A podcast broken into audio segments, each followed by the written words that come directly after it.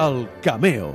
una de les sèries, una de les peces audiovisuals, fins i tot incloent pel·lícules, que més m'ha impressionat a la meva vida, que és una, una sèrie que es deia El detectiu cantant. És una sèrie que combina diferents gèneres, a més a més, és una sèrie musical, alhora és una sèrie de, de detectius i una sèrie, diguéssim, d'aquest gènere tan peculiar que és el drama psicològic, que està feta a partir de records, a partir de memòries, a partir de bueno, la construcció d'un personatge a través de retalls molt, molt diversos sobre la seva vida. Després estaria Carnival, que és una sèrie fantàstica que malauradament només va tenir dos, dues temporades, però que era la història d'un circ ambulant eh, que va de poble en poble dels Estats Units durant la era de la Gran Depressió i és una sèrie amb, amb direcció artística i, i, amb, i amb guió també és espectacular. I finalment l'última seria Dead Wood, que és la, és la sèrie que em va descobrir el, el guionista eh, i escriptor David Milch, que a partir de, de llavors ha sigut un dels meus grans ídols, és el responsable de, a partir de la segona temporada de Cancions Tristes Hill Street i també després de NYPD Blue, però jo crec que el, el moment on arriba, diguéssim, al seu màxim nivell és, és, és amb la sèrie d'Etwood, que és la història d'un poble que, que estava més, en, més enllà de, la, de les fronteres dels Estats Units quan